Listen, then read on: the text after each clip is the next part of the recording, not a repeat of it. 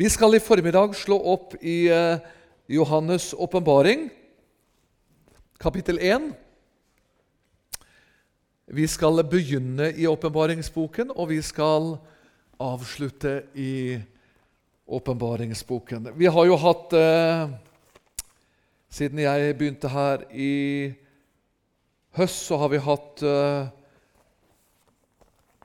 Jeg sa jo det til Erlend når jeg fikk forespørsel om å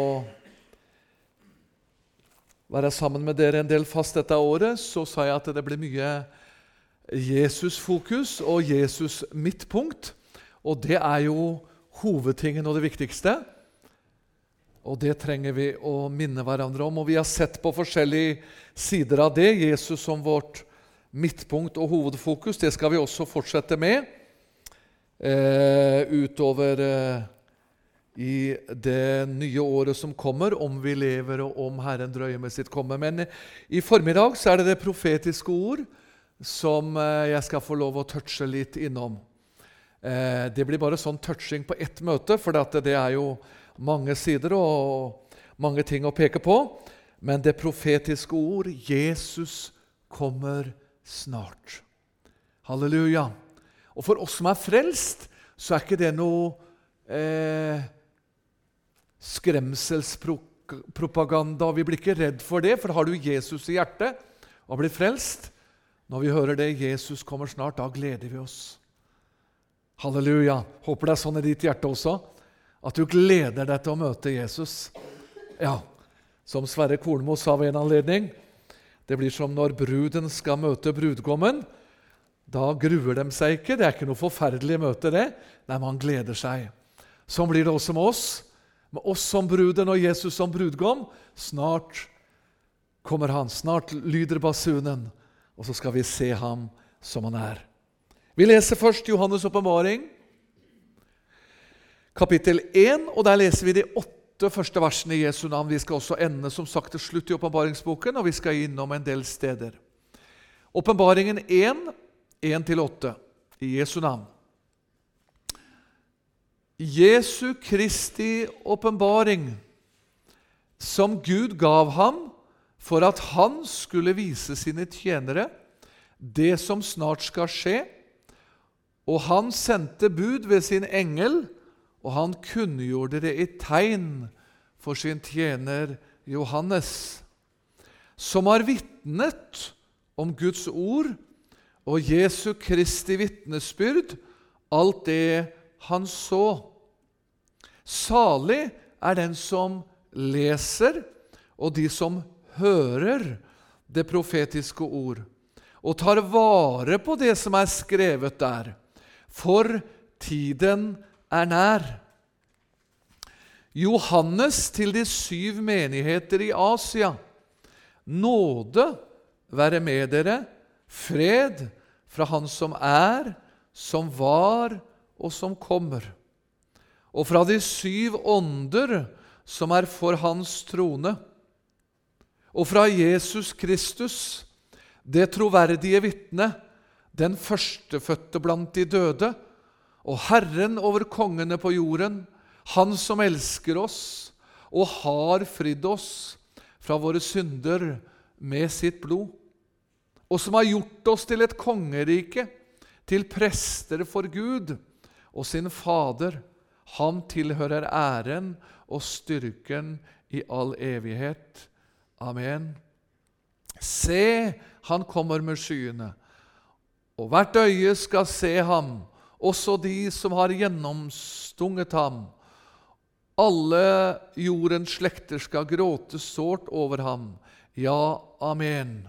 Jeg er alfa og omega, sier Gud, Herren, Han som er og som var og som kommer, den allmektige. Amen.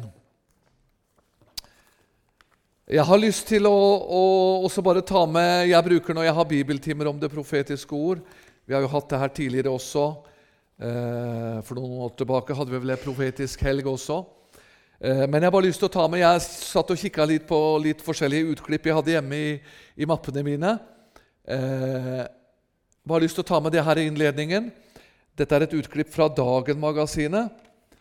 Eh, her står det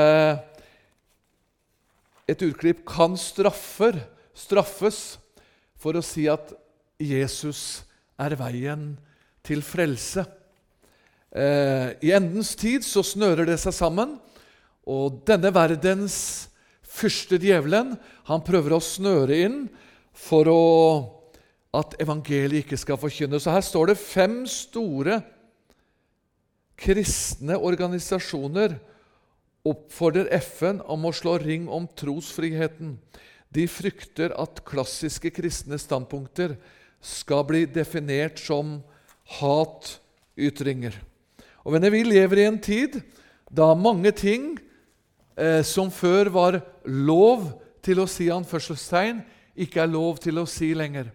Og Vi eh, må selvfølgelig be om nåde til at vi sier ting på rett måte. Men venner, evangeliet om Jesus, kors og blodet, det må vi aldri tie om å forkynne. Det vil komme en tid også i endetiden.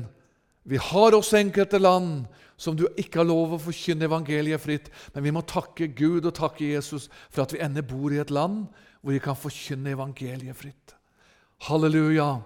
Og vi eh, er forskjellige mennesker, vi er forskjellige retninger, bedehus og kirker og menigheter. Men det overordnede målet Vi skal ha respekt for hverandre og hva vi står for og tror for. Men nå er det overordnede målet i endetiden. Vi skal forkynne evangeliet om Jesus. Om korset, om blodet. Men vi må aldri eh, være utydelige på det. Det er bare én frelse. Det er gjennom Jesus. Ja, Eh, vi respekterer alle andre troende. Buddha tror de på, Allah tror de på, og mange ting, og vi skal respektere det menneskelig sett. Eh, så kommer mennesker forskjellige inn det evangeliske beltet, og så er det forskjellig tro. Men venner, det er bare én vei til frelse. Det er Jesus. Det er Golgata. Ja, det er om Han uansett. Det er det som er den eneste redning. Det er forsoningen og Golgata og Jesus. Jesus kommer snart. Det profetiske ord, endetiden, gir oss veldig mange forskjellige bilder. Vi har ikke tid til å gå inn på alle, men venner, der er en hovedting i frafallet i dag, og det er at eh, det blir mer og mer vold, det blir mer og mer ondskap, det blir mer og mer mørke over denne verden. Åpenbaringsboken forteller oss om forskjellige hester med forskjellige farver. Eh, vi skal ikke gå inn på det her. Eh, det kan vi heller gjøre senere en gang. Men eh, David Wilkerson har en tekst eh, som han kaller for 'Den røde hesten' i åpenbaringsboken, hvor han forteller oss et bilde, eh, et av bildene av endetiden. Og La meg sitere noe bare helt kort i begynnelsen her, hva han sier. Og hør I åpenbaringsboken så tales det om en rød hest som rir over jorden. Og mannen på den røde hesten, han galopperer igjennom verden akkurat nå. Og denne røde hesten, den galopperer igjennom endetiden med etniske kriger, med opprør, med konflikter, med kaos og med forvirring. Der hvor bl.a. freden forsvinner. Den røde hesten den galopperer igjennom alle nasjoner. Mine kjære, dette er alt sammen en fullbyrdelse av åpenbaringsboken. Den røde hesten er sluppet løs, og den galopperer over alt. Vi er i ferd med å bli tatt fra oss for oss den evige freden, og istedenfor den vil det bli et blodig sverd. Det blir et økende hat. Det blir økende mord. Det er byer som vil settes i brann. Geværer, opptøyer og blodsutgytelse vil fylle gatene. Ja, selv Amerika kommer til å bli en blodig krigssone. Og så sier han i avslutningen her i innledningen så sier han, vi vil ikke lenger være opptatt med oss selv, men vi vil komme til å se, og vi vil be Gud om nåde til å bli bevart i denne tid. Så vi kommer til å tenke på den totale oppløsning av en nasjon som er under Guds dom. Og Så sier han i avslutningen her Amerika har allerede hatt én borgerkrig. Og president Lincoln kalte det Guds dom. Den krigen var nord mot sør. Men nå sier David Wilkerson i avslutningen her jeg skal ta med i begynnelsen, nå ser vi en annen borgerkrig. Den vil ikke finne sted i noen rolige form. Den kommer til å være i vår midte i store byer, og blodsutskytelsen kommer til å bli mer enn vi noen gang kan forestille oss. Men, sier han, når alt dette opprøret kommer, så vil jeg forsikre dere om én ting. Uansett hva som hender, både med oss i Amerika og i alle nasjoner, så er det ingenting som kommer til å frarøve oss Guds fred i Jesus Kristus. Den fred som Han gir hver sjel. Gud vil at hans folk skal være styrt av fred. Den røde hesten og endetidens profetiske ord om endetiden kan aldri ta fra oss freden ifra vårt hjerte. Jesus er med oss, og fredens Gud er med oss. Venner, dette var et lite bilde på Og når vi leser åpenbaringsboken, når vi leser om endetidens profetier, så ser vi at denne verden går imot et mørke. Men det gjør ikke vi. Vi går imot et lys. Halleluja. Vi er foreløpig i denne verden. Vi ser at det snører seg sammen, både i kristenheten og i mørket rundt oss i denne verden. Men hva skal vi gjøre? Vi skal løfte vårt blikk. Vi skal se på ham. Halleluja. Vi skal se inn i Guds ord om Guds løfter. Halleluja. Jesus kommer snart. Er du rede? Er du klar? Det er kun én billett. Det er Jesu blod. Han som har fridd oss fra våre synder med sitt blod. Det er kun én ting som vil bevare oss ifra denne verdens katastrofer og strømmer, og det er blodet. Da er det om å gjøre at vi er i arken. Og La meg ta meg med bare noen få endetidsbilder. Eh, det blir bare sånn generelt, vi kan ikke gå inn i detaljer. Men i første Mosebok 6 eh, Dere vet jeg elsker å undervise fra Det gamle testamentet som bilder på Kristus og menigheten. Eh, I første Mosebok 6 så er det et bilde på Guds ark som Guds menighet, som deg og meg som er frelst. Og så skulle Gud utslette jorden ved en vannflom. Det er et bilde på også det som kommer i endens tid. Første Mosebok kapittel 6, og så leser jeg bare tar ut noen vers der i kapittel 6 og 7. Hør! Første Mosebok 6, vers 14 og 15. Gjør deg en ark av gofertre. Gjør kammer i arken. Stryk den innvendig og utvendig med bek. Således skal du gjøre gjøre den. Arken skal være 300 alen lang, 50 alen bred, 30 alen høy.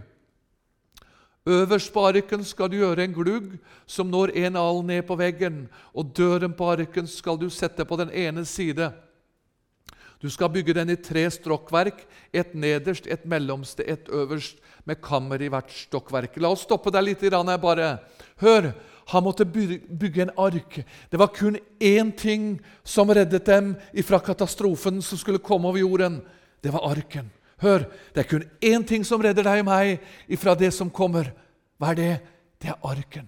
Jesus, når du leser Gamle testamentet, så er arken alltid et bilde på Kristus.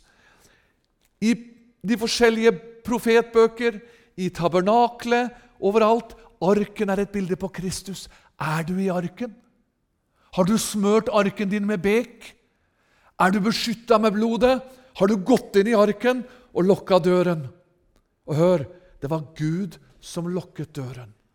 Det er ikke jeg som har ansvaret for min frelse, det er det Gud som har.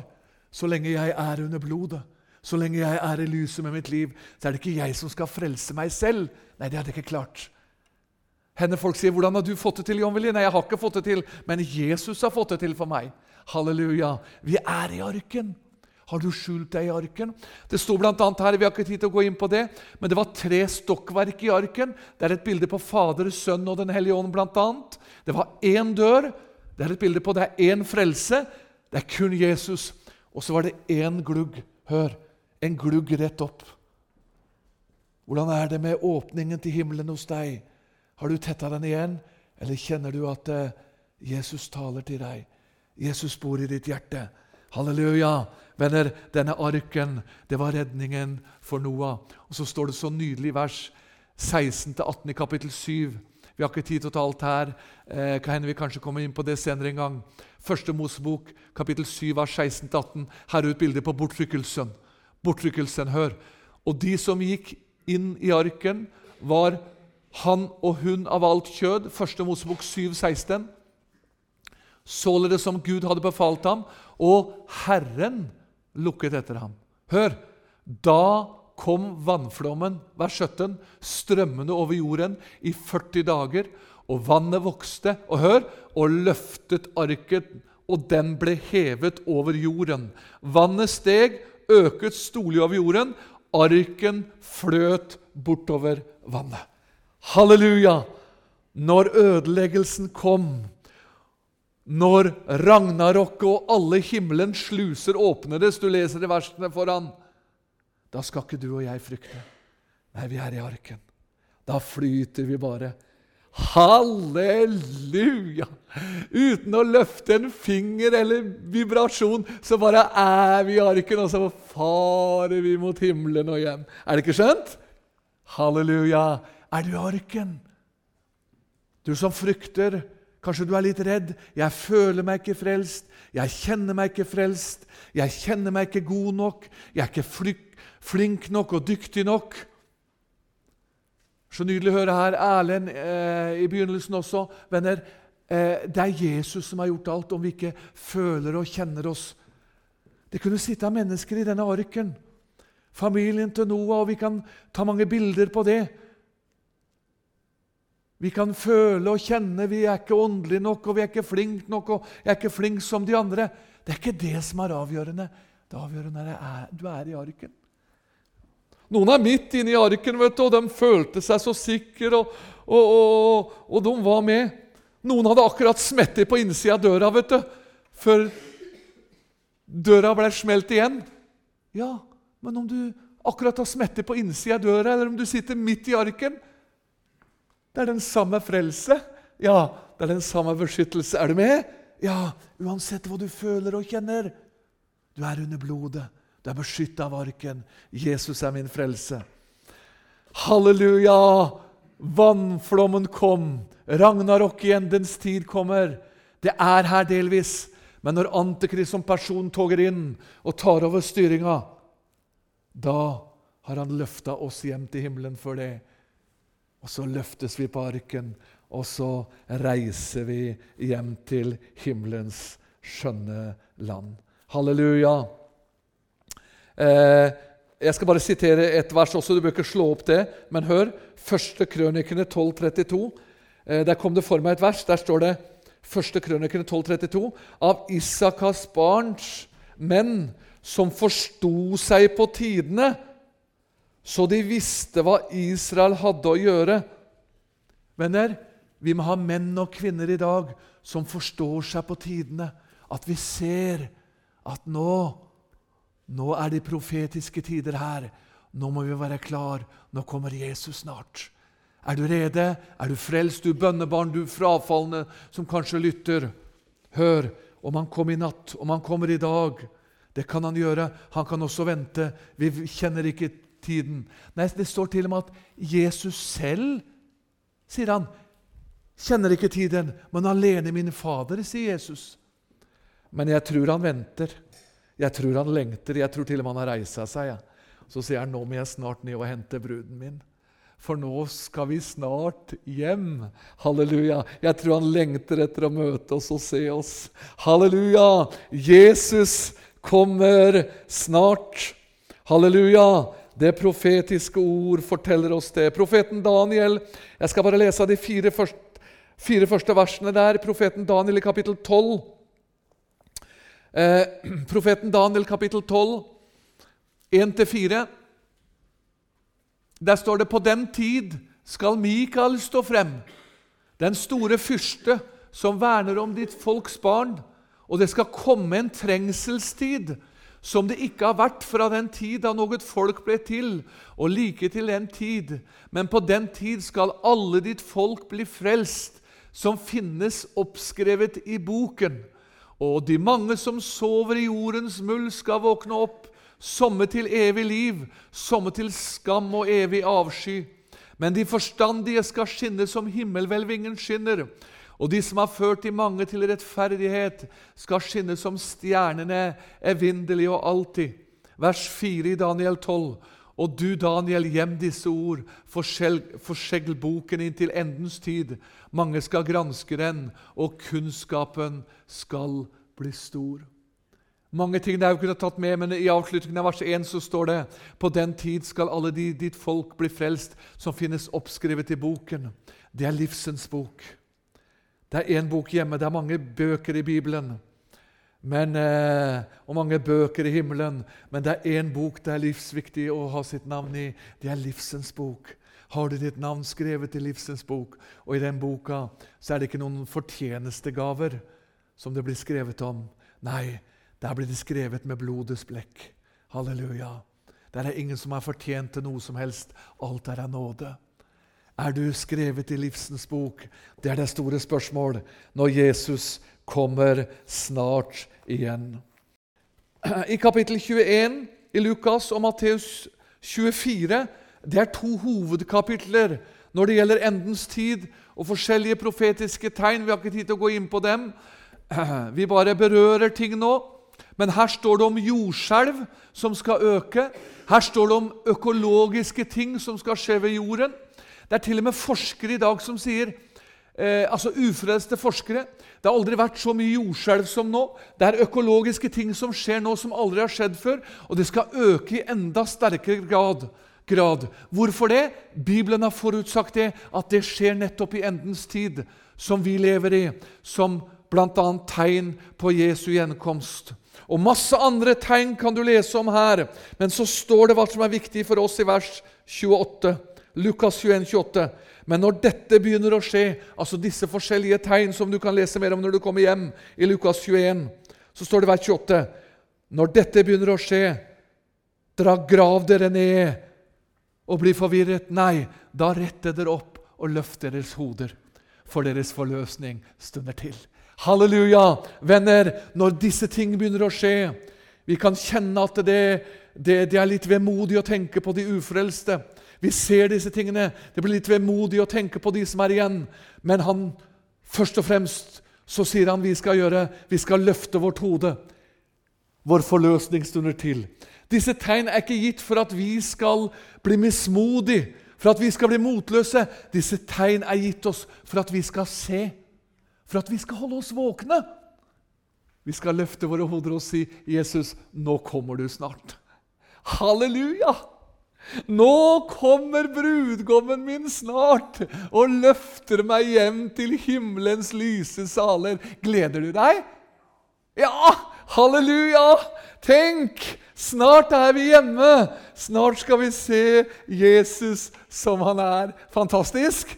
Å, min Jesus! Halleluja! Og så er jeg så glad at vi ikke kommer til himmelen pga.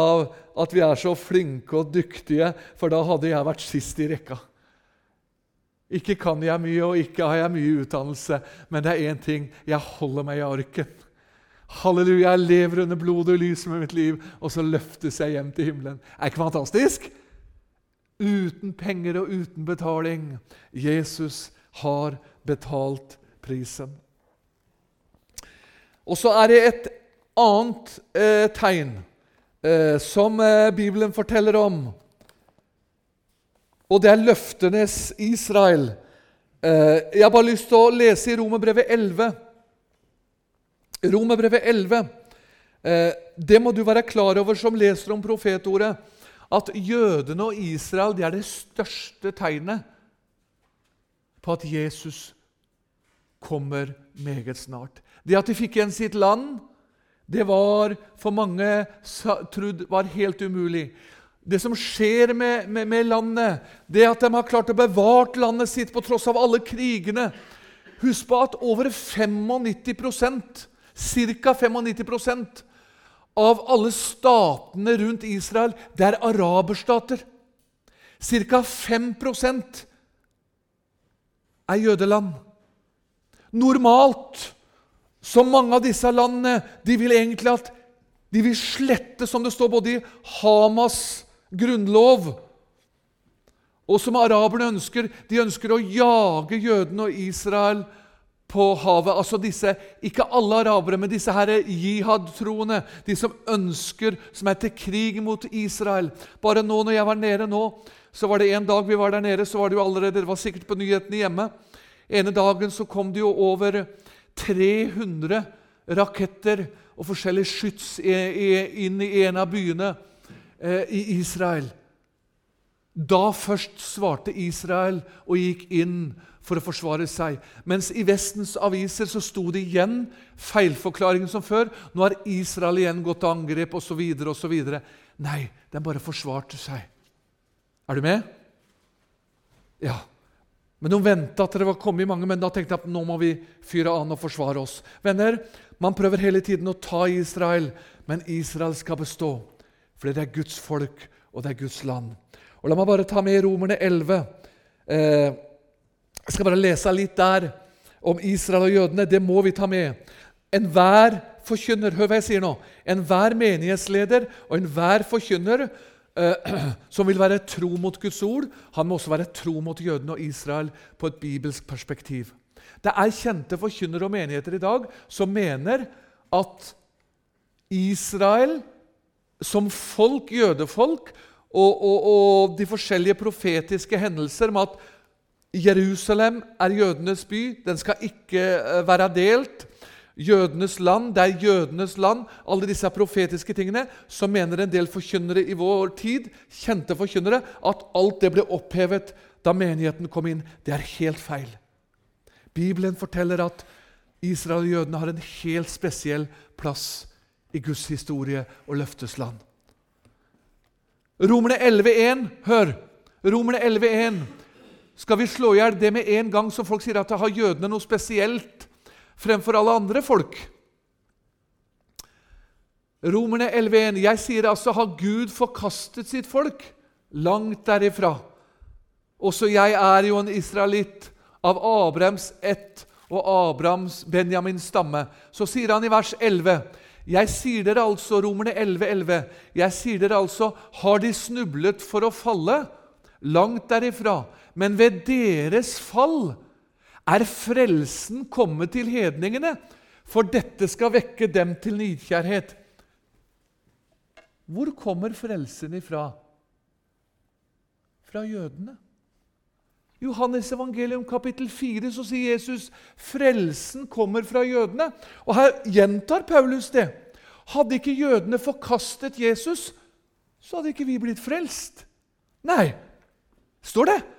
Ved deres fall, at ved dem forkasta Jesus og lot han spikre, han ble spikret på et kors, og jødene og Israel, jødene vil ikke ha noe med Jesus å gjøre, så er frelsen kommet til hedningene.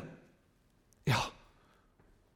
Men de skal igjen som et folk bli frelst. I dag så frelses også jødene, selv om de ikke er i hopetall. Så frelses de også som personindivider, akkurat som oss. Men vi vet det, vi som kjenner til Israel, du får ikke lov å gå åpent på gaten og evangelisere osv. Nei, da kan du bli arrestert. Du har lov til det i visse former også forskjellig. Forstår du? Ja. Men venner, dette folket skal gjøres noe med som det ikke gjøres med noe annet folk. De skal bli frelst på én dag, i ett øyeblikk. Han har en spesialavtale, ser du. Du må ikke bli misunnelig. Er det noen som er misunnelige, eller? Nei, han har en spesialavtale med sitt folk. Han gråt over Jerusalem. Jeg ville samle dere som en høne samler sine kyllinger, men dere ville ikke, sa Jesus. Men så leste vi i Åpenbaringen 1 han skal stige ned. For i Åpenbaringen 1, der vi leste nå, det var da de skulle se han som de er gjennomstunget. Det er ikke brudens bortrykkelse i skyen som vi venter på. Nei. Det er Jesu tredje komme til Oljeberget. Da kommer han ned på Oljeberget. Da Israel og jødefolket er i ferd med å bli drept i den tredje verdenskrig på Harmagedon, hvor blodet er opp til bislet på hestene. Da står det da skal de alle profetordet, profeten Sakarias også sier dette. Vi skal heller komme mer inn på detaljer av dette på, på nyåret. Men hør. Da de er i ferd med å dø, da står det da strekker de seg opp til ham. Da kommer Jesus ned. Ja, sammen med de hellige, åpenbaringen 19.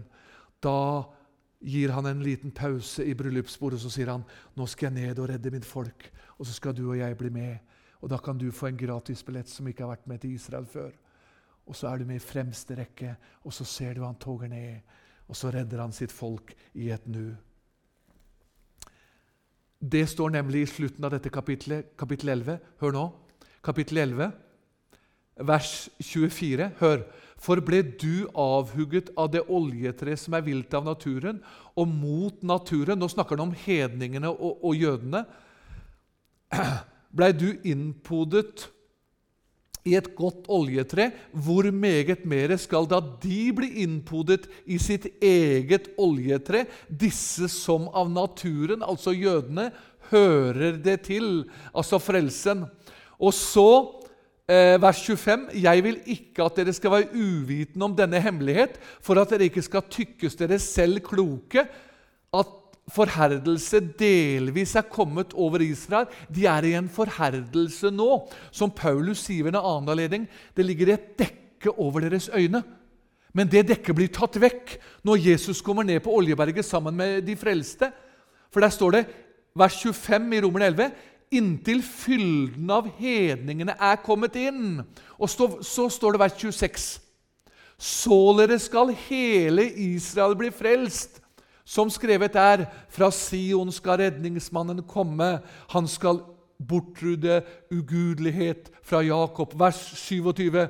Når jeg borttar deres synder, da er dette min pakt med dem. Helt ifra begynnelsens første blader i Bibelen så har Gud gitt jødene en løfte. Når de forkasta Gud i den gamle pakt, så sa han likevel han skal gi dem nåde hvis de vil vende om.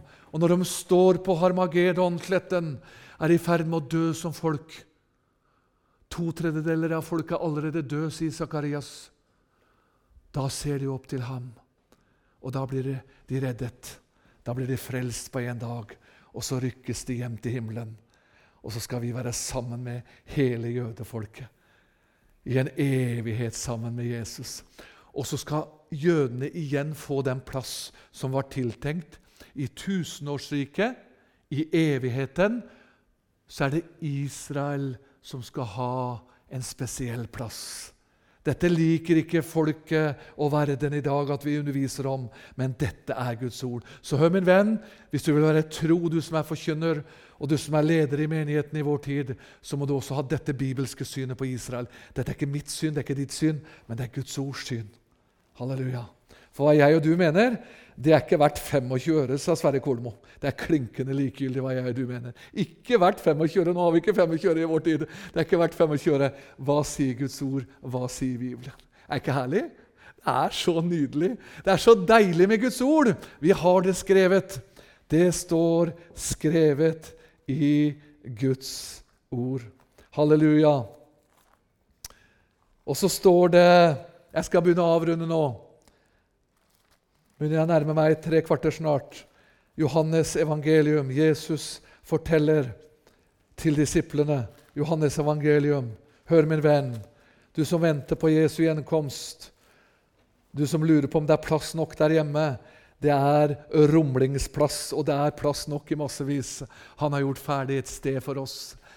Du som er midt i prøvelser og motgang og vanskeligheter, hør. Se opp av du frelste skare. Johannes 14, 1-6. Vi leser. Hør. Johannes 14, 1-6. Han får undervise til disiplene. Deres hjerte forferdes ikke. Tro på Gud og tro på meg. I min Faders hus er det mange rom. Var det ikke så, da hadde jeg sagt dere det. Jeg går bort og bereder dere et sted. Og når jeg er gått bort, har beredt dere et sted, hva står det da? Da kommer jeg igjen og tar dere til meg, for at dere skal være der hvor jeg er. Og hvor jeg går hen, dit vet dere veien. Halleluja! Venner, han har beredt oss en plass. Han har lagd ferdig mange forskjellige rom. Og i himmelen der skal ikke jeg benytte soverommet noe særlig mye. Nei, der skal jeg benytte festsalen. Der skal jeg bare være sammen med Jesus og feste, og være sammen med ham og feire, og få lov å være sammen med ham til evig tid. Halleluja! Venner, hør, min venn, du som lytter. Der er en plass. Der er et sted jeg og du kan få lov å komme. Halleluja! I et nu, sier han. I 1. Tessalonikerne 4 så sier han i et nu, ved den siste basun, så skal de frelste rykkes opp i skyen. De døde i Kristus skal først oppstå. 1. Tessalonikerbrev 4. Deretter skal vi som lever sammen med de døde Kristus, rykkes opp i lufthimmelen. Altså nå, ved Jesu annet komme, inn i lufthimmelen. Og sammen med de rykkes hjem til himmelen. Og så skal vi løftes i en evig skare. Trøst da hverandre med disse ord. Ikke slå hverandre i hjel. Nei, vi skal trøste hverandre med disse ord. Jesus kommer snart. Er du rede? Han kommer for å hente oss hjem. Halleluja!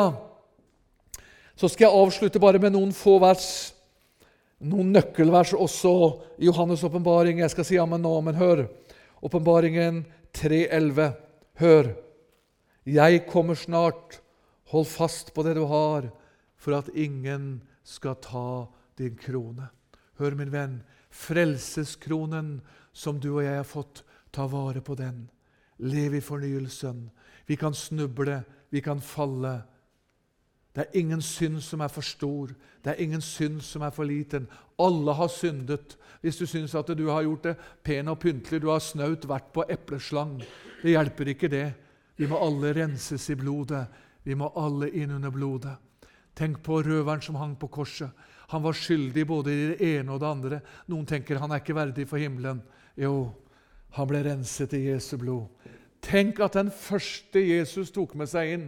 Du vet, paradis det ble stengt når Adam og Eva syndet. Da satte han sverd for paradis. Da ble ikke paradis åpnet igjen før Jesus åndet ut på korset. Og Da åpnet han det nye paradis der hjemme i den tredje himmel, står det, som Paulus var rykket inn i.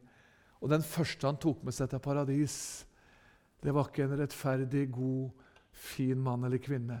Nei, var det, det var en av de verste. Hva er det et bilde på? Det er bildet på Jesu nåde. Det er bildet på Jesu gjenopprettelse. Halleluja! I dag skal du være med meg til paradis. Skal du hjem til paradis? Vi skal forbi paradis, vi skal forbi månen og Mars. Vi skal forbi Pluto og alle solsystemer. Vi skal like inn i himmelen. Er du med? Skal du være med? Kjenner du liksom at det, Om du ikke roper et høyt halleluja, så kjenner du liksom i hjertet ditt så er det liksom sånn danseorkester, og du kjenner at det nå nå må du komme snart, til Jesus, for nå skal jeg hjem. Halleluja! Er det ikke fantastisk? Jo, vi skal hjem. Ja, vi er forskjellige, vet du. Og hjemme i himmelen så er vi også forskjellige. Noen er stille, og noen er rolige. og Noen er fine og ordentlige her, både som Erlend og Willy og alle de andre. ikke sant? Og noen er sånne uroligheter som meg. Men, men likevel, vi, vi, vi, skjønner du? Jeg er jo langt opp før jeg når opp til dem. men jeg fikk blant annet, jeg kom på den, jeg fikk et fint eh, navn i Israel. da. Jeg, jeg, kjært barn har mange navn, så jeg har jo mange kleng, klengenavn. vi som er litt underlige og rare. Så var jeg på Bet Skandinavia, bodde der noen dager. Og så var det noen som syntes jeg var litt original. da. Litt original, hørte du? Hadde litt strikk i håret når jeg gikk ut, og litt forskjellig farve på klærne. Så var jeg noen... Og så bare prøvde jeg å be litt om unnskyldning for hvordan jeg var. da. Liksom, Jeg prøver jo det. For uh, Barna mine syns jo det blir litt for mye originalitet iblant også. Men så sa de nei, du må være akkurat sånn som du er. For vi har så mange sånne eh, like predikanter. Og så fikk jeg et nytt klengenavn. De kalte meg for, for Hippie-Willy. Du Hippie-Willy, du må bare være akkurat som du er. For det er så vidunderlig med strikk i hår og kledning, og du er deg sjøl, og du skøyer og her, vi får lov å være oss sjøl. I originalitet, i personlighet. Men det er samme frelse. Det er det samme blod. Det er Golgata som frelser oss. Og hjemme i himmelen ja, Der kommer vi til å se mye rart, holdt jeg på å si. Men vi er renset i det samme blod. Halleluja! Lengter du hjem, skal du se Jesus som han er. Halleluja! Vi lengter hjem. Og så avslutter jeg med For jeg skal avslutte et sitat fra Wilkersen. Så leser jeg Åpenbaringen 22. De kjente versene der. Åpenbaringen 22, 14. Hør. Salig er de som tvetter sine kjortler, så de må få rett til livsens tre og gjennom portene komme inn i staden. Og la du merke til hva det sto? De som tvetter sine kjortler. Det er ikke en gang frelst og alltid frelst. Vi må leve i fornyelsen. Er du med? Ja. Salig er de som tvetter sine kjortler, så du må få rett til livsens tre å komme inn i staden.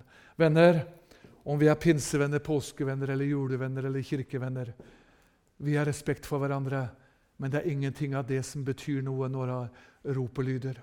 Han ser ikke etter kirkesamfunn, han ser ikke etter menigheter og forsamlinger. Han ser etter en blodkjøpt skare. Er du under blodet? Er du renset og ren? Halleluja, det er billetten din til himmelen. Jesus kommer snart. Han henter oss meget snart hjem. Og så har jeg en trøst til deg, du som eh, er i prøvelser, og du som er i vanskeligheter. Jesus han er ingen dommer. Han gir nåde. Noen tror det at vi som er frelst Vi kommer sikkert inn på det på nyåret. Jeg har forskjellige bibeltimer om, om Kristi domstol og de forskjellige domstoler i himmelen. For noen tror det at når vi kommer hjem, så skal vi dømmes. Ingen frelste skal dømmes i himmelen. Jesus tok vår dom. Men det er noe som heter Kristi domstol, men det er en lønningsplass. Jesus tok vår dom, dom, så vi skal ikke dømmes. De ufrelste skal dømmes. Vi skal bare lønnes etter det vi har gjort. Så det er ingen, noen frykter for å komme hjem, noen frelste. Ikke frykt. Jesus tok din dom. Det er bare nåde, det er bare herlighet. Halleluja. Og så sier David Wilkerson så nydelig her i slutten på de som har gått gjennom prøvelser og vanskeligheter, så forteller han om hvordan Jesus er. Så sier han, 'Kjære hellige, dere går kanskje gjennom dype vann akkurat nå.'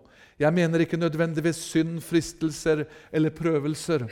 Men jeg snakker om hendelser som blir lagt på deg, som er for overveldende, slik at du ikke kan forstå de. Vind og bølger av alle slag strømmer over deg, ting bortenfor din fatteevne. De kommer til ditt hjem, til din kirke, til din arbeidsplass. På alle kanter så kjenner du hvordan bølgene slår. Men hør, sier han, Gud ønsker å bære deg igjennom det hele. Han ønsker å pleie deg tilbake til åndelig helse. Hvis alt du kan tro akkurat nå, er at han elsker deg på tross av alle dine prøvelser. Han trygler deg om å se på ham som sin guddommelige pleier det er nok for deg. Stol på Hans godhet. Stol på Hans kjærlighet og nåde. Vend deg til ham og si, 'Herre, du er min frelser.' 'Herre, du er min pleier. Bær meg.' Ja, la Hans fred regjere i ditt hjerte og i ditt liv. Jesus, han er din pleier. Han er din redningsmann. Han er din frelser. Jesus, kommer snart. Amen, Herre, vi priser deg. Takker deg, Jesus, at du kommer snart. Takk at du er ikke vår dommer, Herre, men du er vår frelser. Du tok all vår straff for at vi skulle få nåde når vi kom hjem. Halleluja. Og så ser du, Herre, til dem som lytter til dette budskap, om det er noen som ikke er frelst, som ikke har billetten klar. Takk at de behøver ikke prøve å frelse seg selv eller bli rettferdig nok. Nei, de skal ikke bare gjøre noe som helst. De skal bare rope på din frelse, på blodet og korset, og så blir de født på nyhet nå. Halleluja. Takk for at du kommer snart. Takk at det er framtid og håp. Takk at du er vår redningsmann, Jesus. Amen.